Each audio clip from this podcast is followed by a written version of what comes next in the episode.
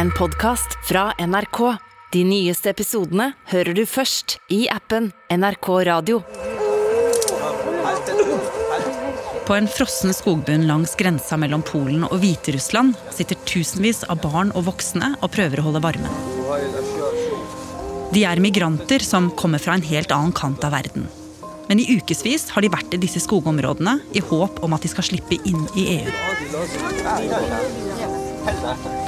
Men mye tyder på at dette ikke bare er en vanlig historie om mennesker som søker et bedre liv i Europa. For mange er overbeviste om at disse menneskene blir brukt i et absurd hevnoppgjør mot EU, orkestrert av mannen som kalles Europas siste diktator. Du hører på Oppdatert. Jeg heter Ragna Nordenborg. Det som foregår eh, nå på grensa mellom Hviterussland og Polen, det er jo en stor eh, menneskelig tragedie. Jan Espen Kruse er utenrikskorrespondent i NRK og har vært på grensepunktet Bruski mellom Hviterussland og Polen. Det er om lag 1000 migranter som er samla der nå.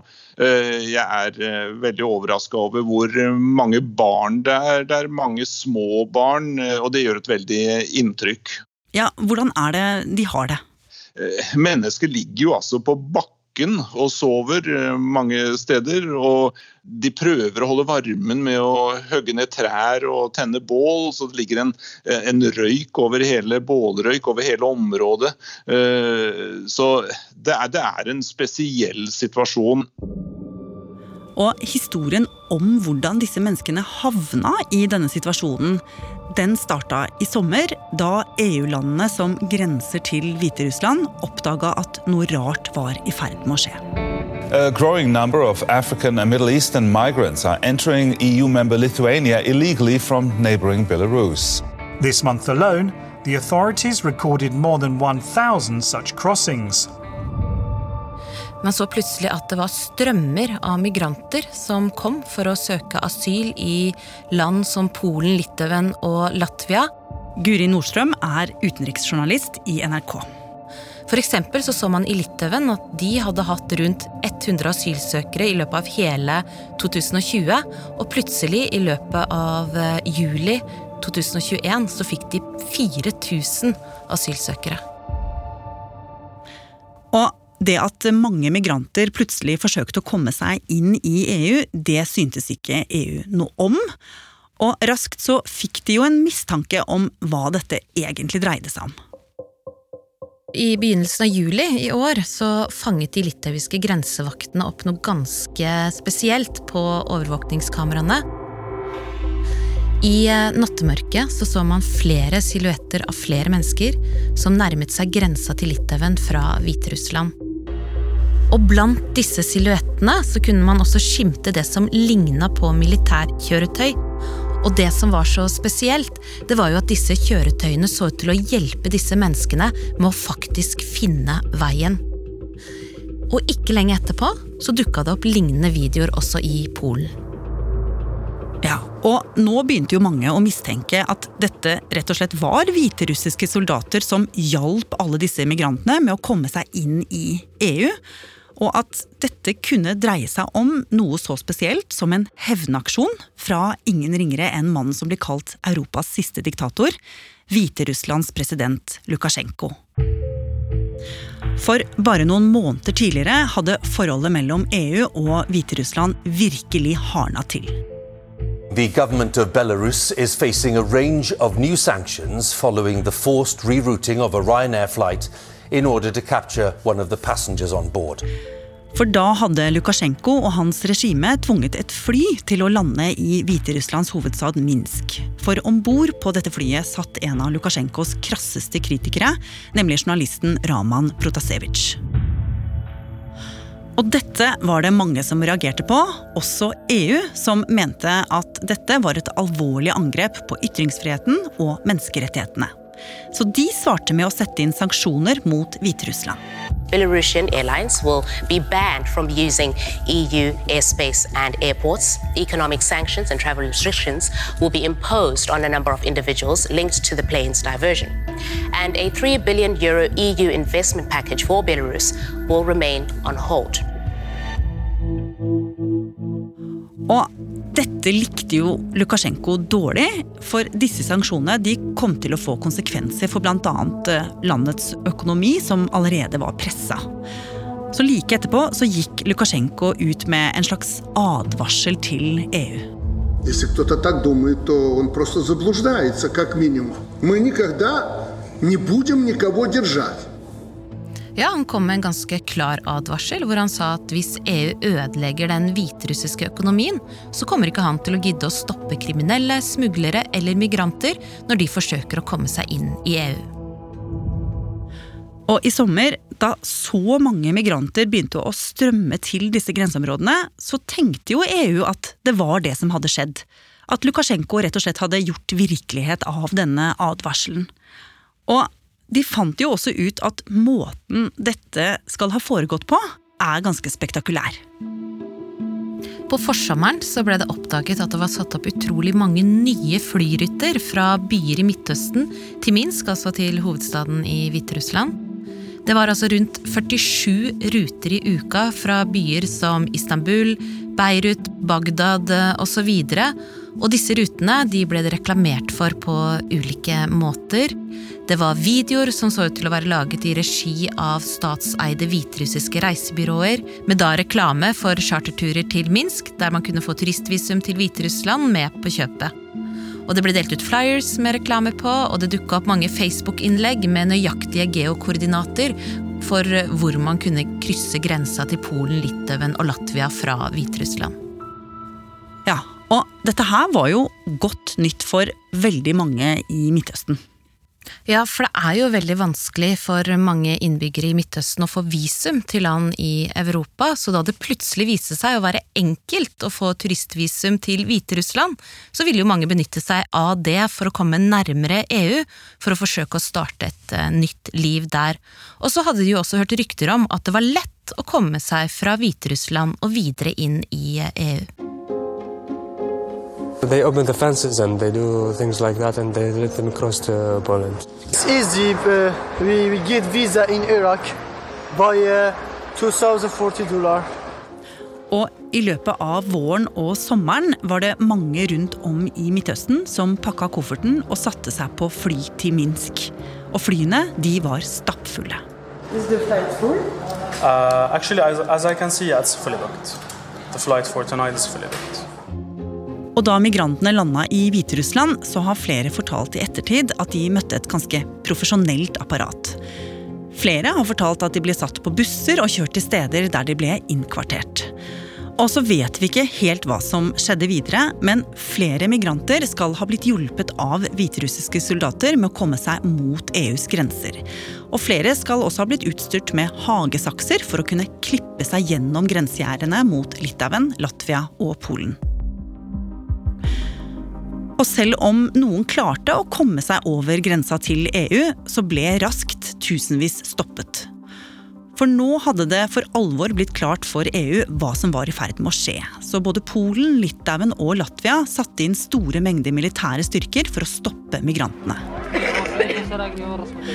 Og nå satt så mange som 5000 mennesker fanga i grenseområdene med militære på hver side. No, I'm not okay. Not sleeping, not that, eating. Here it's a really bad place for life. We are really cold, and especially the children. It's the worst place for life. Og det at Hviterussland så ut til å ha forsøkt å skape en slags migrantkrise for å hevne seg, det kunne jo ikke EU akseptere. Så de gikk jo kraftig ut mot Lukasjenko og landet hans, Guri. Ja, og EU gikk ut og sa at dette var det Lukasjenko og Hviterussland som sto bak, at dette ikke dreide seg om noen migrantkrise, men at det var et forsøk fra et autoritært regime på å forsøke å destabilisere sine demokratiske naboer. Das ist der Versuch eines autokratischen Regimes durch die Instrumentalisierung von Menschen. The responsibility for what is happening is of Belarus.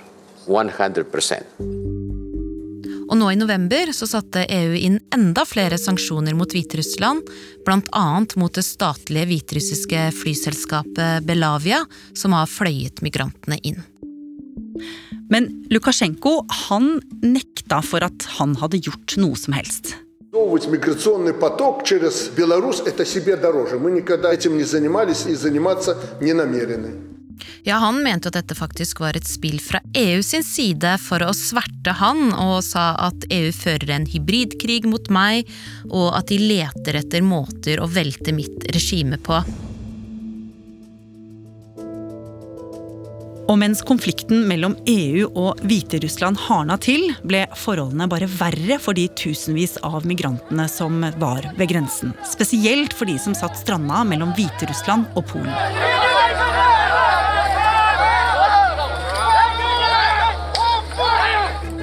Og det begynte også å dukke opp historier fra migrantene om dårlig behandling fra begge hold. Flere fortalte at hviterussiske militære nærmest hadde presset dem til å forsøke å ta seg gjennom grensegjerdene. Mens polske soldater skal ha brukt vannkanoner mot dem i kulda.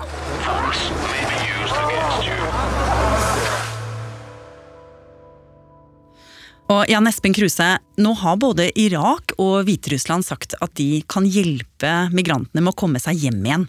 Men vil de benytte seg av dette tilbudet? De eh, migrantene jeg har snakka med, de sier at eh, de eh, har ikke tenkt å dra tilbake. De vil forsøke å komme seg over grensa til Polen og EU, uansett hva som hender. De sier at situasjonen i hjemlandet deres er forferdelig. De har ingen penger, de har ingen jobb, de har ikke det mest nødvendige. Og at de er villige til å fortsette å prøve.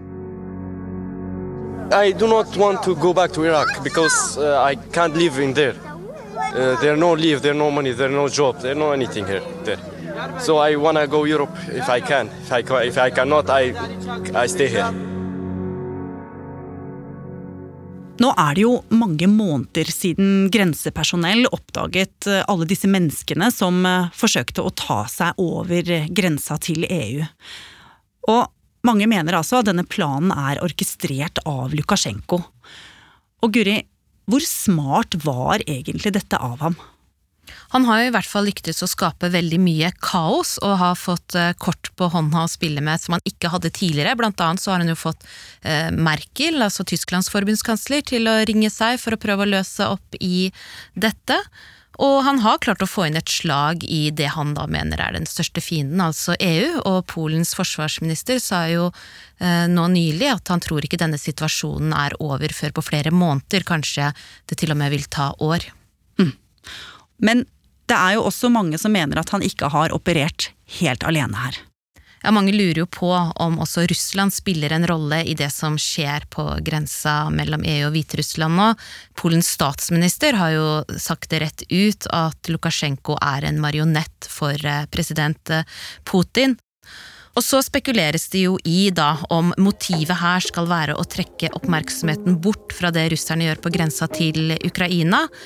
Der eh, offentliggjorde vestlige etterretningskilder nå i november at de holder på med en ny russisk styrkeoppbygning. Men eh, Russlands president han har jo selvfølgelig avvist alle disse anklagene.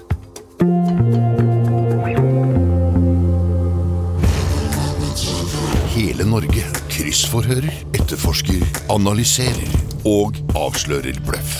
Hei, jeg heter Sara Natasha Melby. I Maskorama-podkasten får du eksklusive hint som du ikke får noe annet sted. Bare i appen NRK Radio. Gjett hvem som skjuler seg bak maskene. Hør Maskorama-podkasten i appen NRK Radio. Oppdatert er en podkast fra NRK Nyheter. Og denne episoden er laget av Ina Swan, Pål Gauslå Sivertsen, Andreas Berge og meg, Ragna Nordenborg. Programredaktør er Knut Magnus Berge. Vil du kontakte oss, gjør gjerne det på oppdatert krøllalfa nrk.no. Du har hørt en podkast fra NRK. De nyeste episodene og alle radiokanalene hører du i appen NRK Radio.